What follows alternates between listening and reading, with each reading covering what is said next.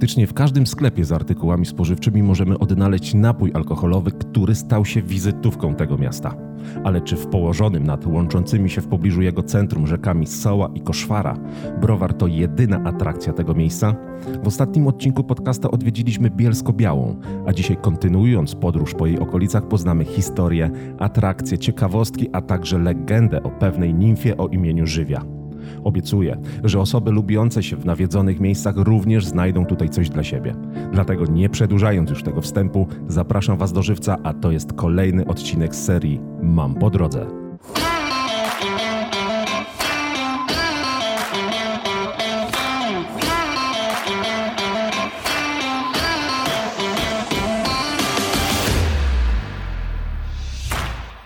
Wspomniana we wstępie bogini żywia zjawiła się w miasteczku u stóp góry Grojec, w którym zamieszkiwali dobrzy i życzliwi ludzie. W miejscu, gdzie każdy podróżny mógł znaleźć schronienie czy miskę zupy, postanowiła się osiedlić. Wszyscy żyli dostatnio, ale spokoju nie dawało im, że miejsce to nie posiadało żadnej nazwy, co w owych czasach było wstydem i hańbą w całej okolicy. Ludzie wymyślali wiele nazw, jednak żadna z nich nie przypadła do gustu mieszkańcom. I nagle, jak to w większości legend, znalazł się pewien młodzieniec. Wybiorę się na górę Grojec, tam w ciszy natchnienia może dostanę i co wymyślę.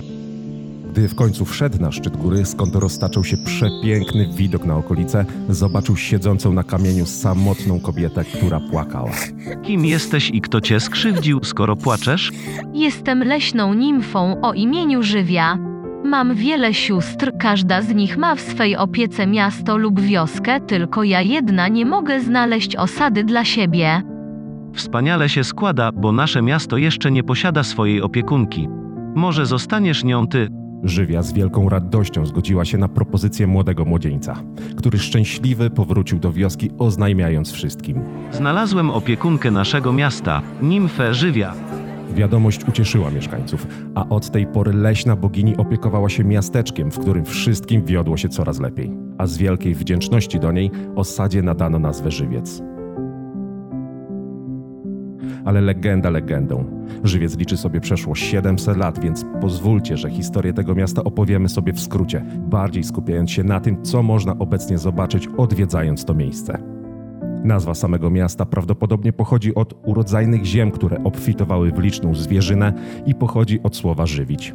Pierwsza wzmianka o tym miejscu pochodzi ze spisów świętopierza diecezji krakowskiej z 1308 roku, w którym wymieniona jest parafia żywiecka, a samo miasto już w 1327 roku otrzymało prawa miejskie. Na przestrzeni wielu dziesięcioleci żywiec przechodzi z rąk do rąk. Początkowo należał do księżąt cieszyńskich, a następnie oświęcimskich. Od 1433 roku posiadanie żywiecczyzny przechodzi w ręce skrzyńskich herbu Łabędź, którzy, jak wynika z kronik Długosza, trudnili się rozbojami, a okres ich władania należy do najbardziej burzliwych w dziejach regionu. W 1456 roku ziemię żywiecką wykupił król Jagiellończyk, a po nim pieczę nad terenami przejmowali kolejno komorowscy i żona Zygmunta III Wazy, Konstancja. W 1626 roku na mocy ordynacji, jaką dla żywca wydała Konstancja, uporządkowano dotychczasowe nadania i przywileje oraz określono prawodawstwo miejskie, co zaskutkowało szybką poprawą stosunków wewnętrznych i przyspieszeniem rozwoju gospodarczego miasta. Po śmierci Konstancji pieczę nad omawianymi przez nas terenami przejął biskup wrocławski Karol Ferdynand, a po nim król Jan Kazimierz, który w okresie potopu szwedzkiego dwukrotnie przybywał na żywieckim zamku, dzięki czemu Żywiecczyzna sławiła się w dzieje Polski swoją nienaganną postawą patriotyczną, stając wiernie ramię w ramię przy swoim królu, broniąc miasto przed Szwedami. Jednak przewaga na jeźdźcy ostatecznie okazała się zbyt wielka i może na krótko, bo tylko do 1678 roku, ale jednak miasto wpada w ręce Szwedów. We wspomnianym roku wykupuje go hrabia Jan Wielkopolski i żywiec pozostaje własnością jego rodu przez następne półtorej wieku. W 1838 roku Adam Wielkopolski sprzedaje dobra potężnej rodzinie Habsburgów, którą to mogliśmy już bliżej poznać w jednym z ostatnich odcinków podcasta. Ja tu tylko na szybko przypomnę, że ziemie te pozostają w ich panowaniu aż do II wojny światowej. Uprzemysłowienie, które na tych terenach datuje się na połowę XIX wieku, przyczyniło się do dynamicznego rozwoju miasta. Powstaje m.in. zakład metalurgiczny produkcji śrub, fabryka papieru i drukarnia oraz chyba najsłynniejsza firma, która po dzień dzisiejszy nieodmiennie kojarzona jest z żywcem arcyksiążęcy browar, założony przez Albrechta Ferdynanda Habsburga. I to właśnie przy tym browarze proponuję zatrzymać się na chwilę z naszą historią. Założyciel fabryki tego złotego trunku, Albrecht, oczywiście nie mógł żyć wiecznie, więc po jego śmierci w 1895 roku browar przejął jego bratanek, arcyksiąże Karol Stefan Habsburg. Jeszcze przed I wojną światową zlecił on wybudowanie drugiej warzelni i powiększenie piwnic fermentacyjnych i składowych. W tym okresie browar posiadał swoje własne, zaawansowane jak na tamte czasy laboratorium analityczno-badawcze, a drożdże piwowarskie otrzymywał ze stacji doświadczalnej Akademii Piwowarskiej w Wiedniu. Rozbudowa sieci kolejowej w Galicji oraz stworzenie własnego taboru kolejowego w Browarze przyczyniły się do szybkiego transportu świeżego piwa nie tylko po całym kraju, ale również i poza jego granicami. A skoro od teraz można było jeszcze szybciej transportować coraz większe ilości piwa, to logicznym jest, że stało się ono jednym z najbardziej popularnych. Wzrost popytu zaskutkował tym, że w latach 20.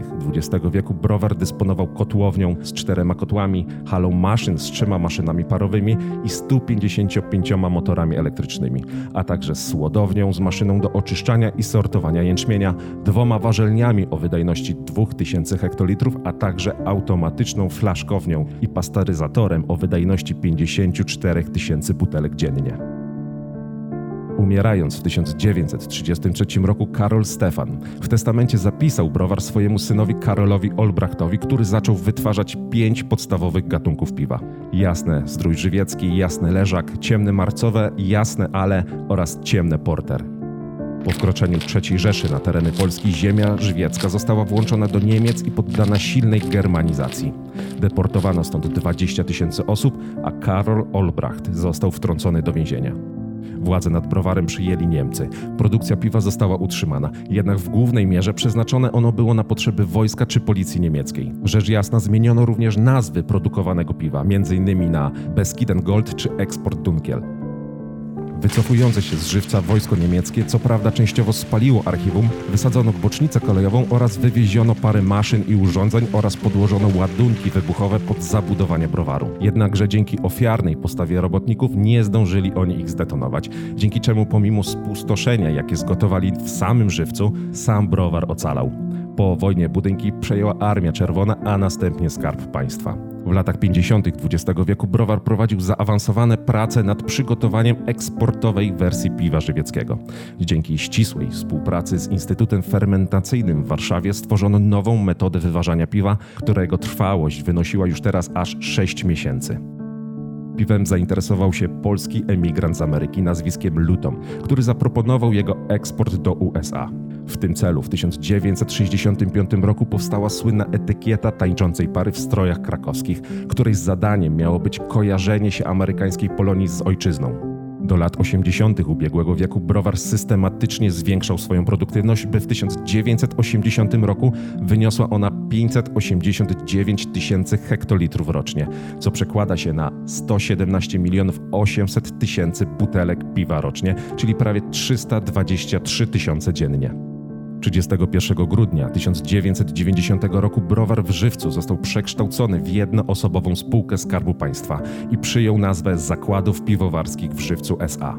W 1994 roku głównym udziałowcem w przedsiębiorstwie został holenderski Heineken, produkując tutaj takie piwa jak Heineken, Warka, Żywiec z wszelakimi jej odmianami, EB czy aromatyzowany Desperados.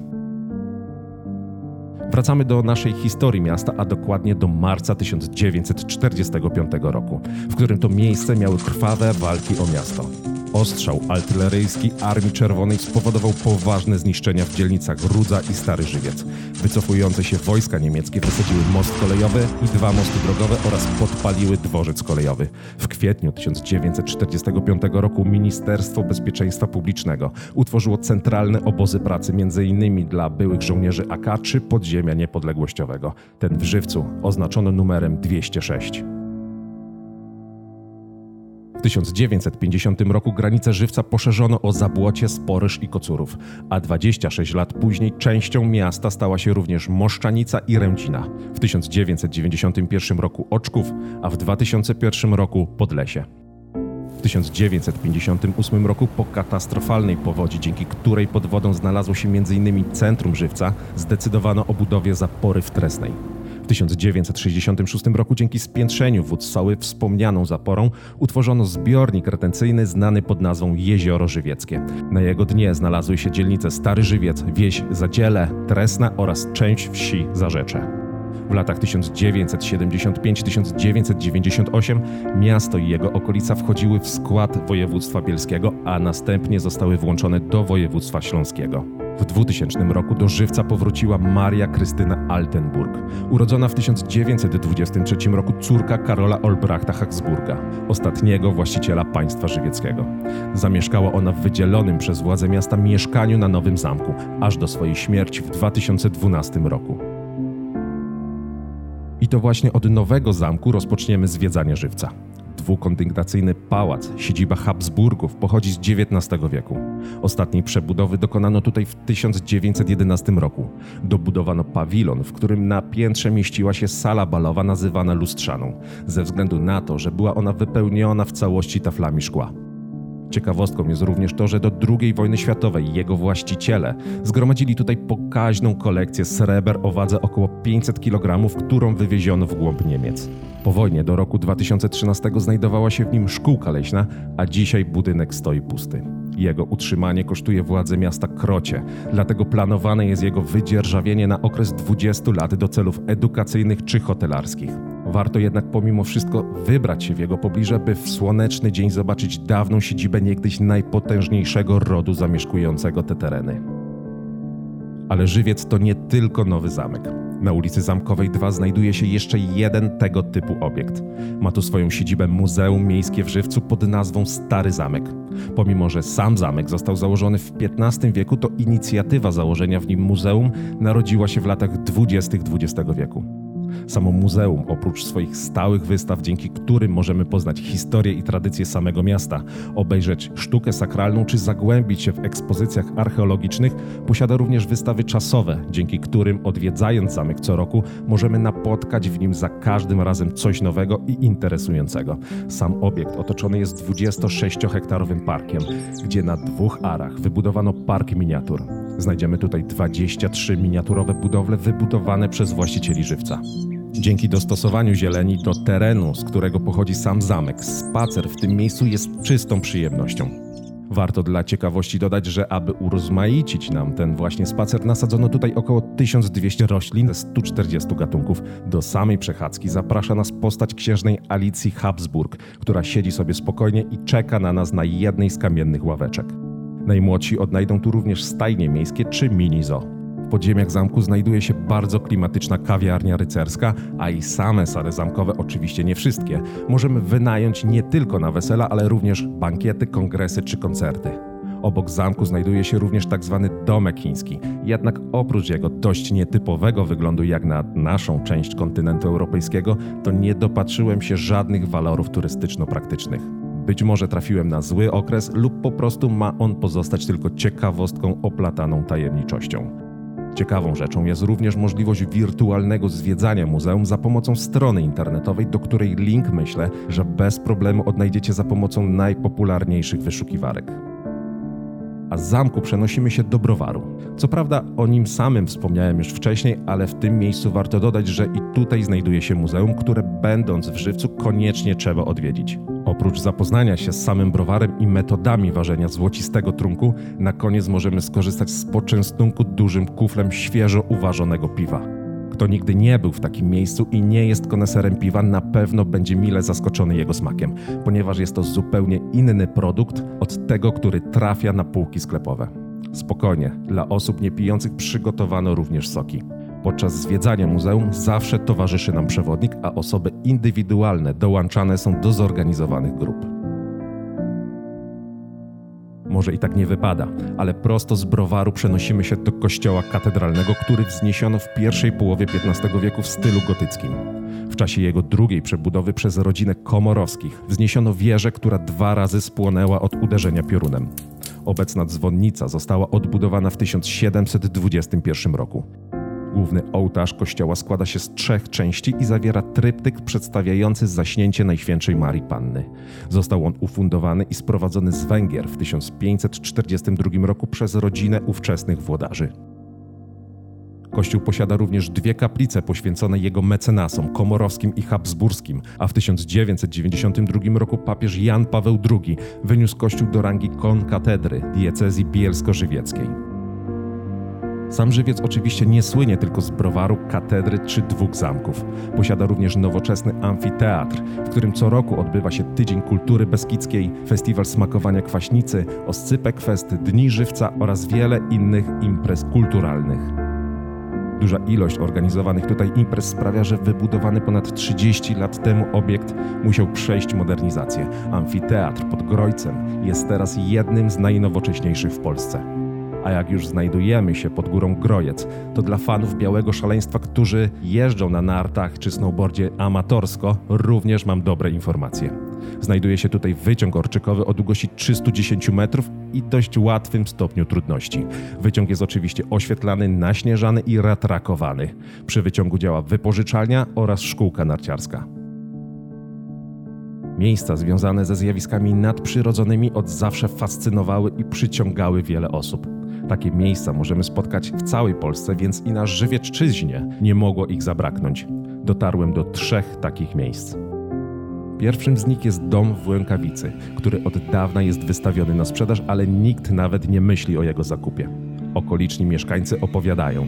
Podczas budowy domu odnaleziono szczątki ludzkie, które nie wiadomo czy przez przypadek, czy może celowo by nie wstrzymywać budowy, wmurowano w fundamenty. Od tej pory w domu zdarzają się niewyjaśnione dotąd zjawiska, a dom od samego początku stoi pusty i niszczeje, przez co jeszcze bardziej rozbudza wyobraźnię. Kolejny dom, który niestety znamy już tylko z opowiadań, ponieważ został całkowicie przebudowany i dostosowany do mieszczącej się w nim obecnie firmy, znajduje się na skrzyżowaniu ulic Wesołej, Żywieckiej i Beskidzkiej w Zarzeczu. Z dworem mieszczący się w tym miejscu od zawsze wiązało się wiele mrocznych opowieści. Jedna z nich mówi, że doszło tu kiedyś do brutalnego morderstwa, w którym ofiarą była kobieta zabita siekierą. Ostatnim miejscem zlokalizowanym w samym Żywcu, na ulicy Słowiczej, w latach 50. była kuźnia pana Pawełka, skąd dobiegały wieczorami dziwne odgłosy, jakby ktoś podkuwał konie. Ale czy to prawda, że straszy w takich miejscach, czy to tylko wyobraźnia ludzi podsysana opowieściami i legendami? Podobno w każdej legendzie znajduje się ziarenko prawdy, które wywołuje u wielu z nas gęsią skórkę. A czy wy wierzycie w takie rzeczy i czy wybralibyście się po zmroku do jednego z takich miejsc? Na koniec mogę z całym przekonaniem powiedzieć, że żywiec to nie tylko browar i wiele niesamowitych atrakcji znajdą tutaj również ludzie, którzy nie lubują się w tym złotym trunku. Malowniczo położone, jest miejscem, które naprawdę warto odwiedzić nie tylko na jeden dzień, a w szczególności jeżeli macie je po drodze. Miłośnicy piwa, abstynenci oraz dzieciaki z całą pewnością znajdą tutaj coś dla siebie. Ja tymczasem żegnam się z Wami, racząc się tym niesamowitym smakiem świeżo uważanego piwa, zapraszając jednocześnie na kolejny odcinek podcasta Mam po drodze. Trzymajcie się ciepło, życząc Wam jak co tydzień turystycznie udanego weekendu.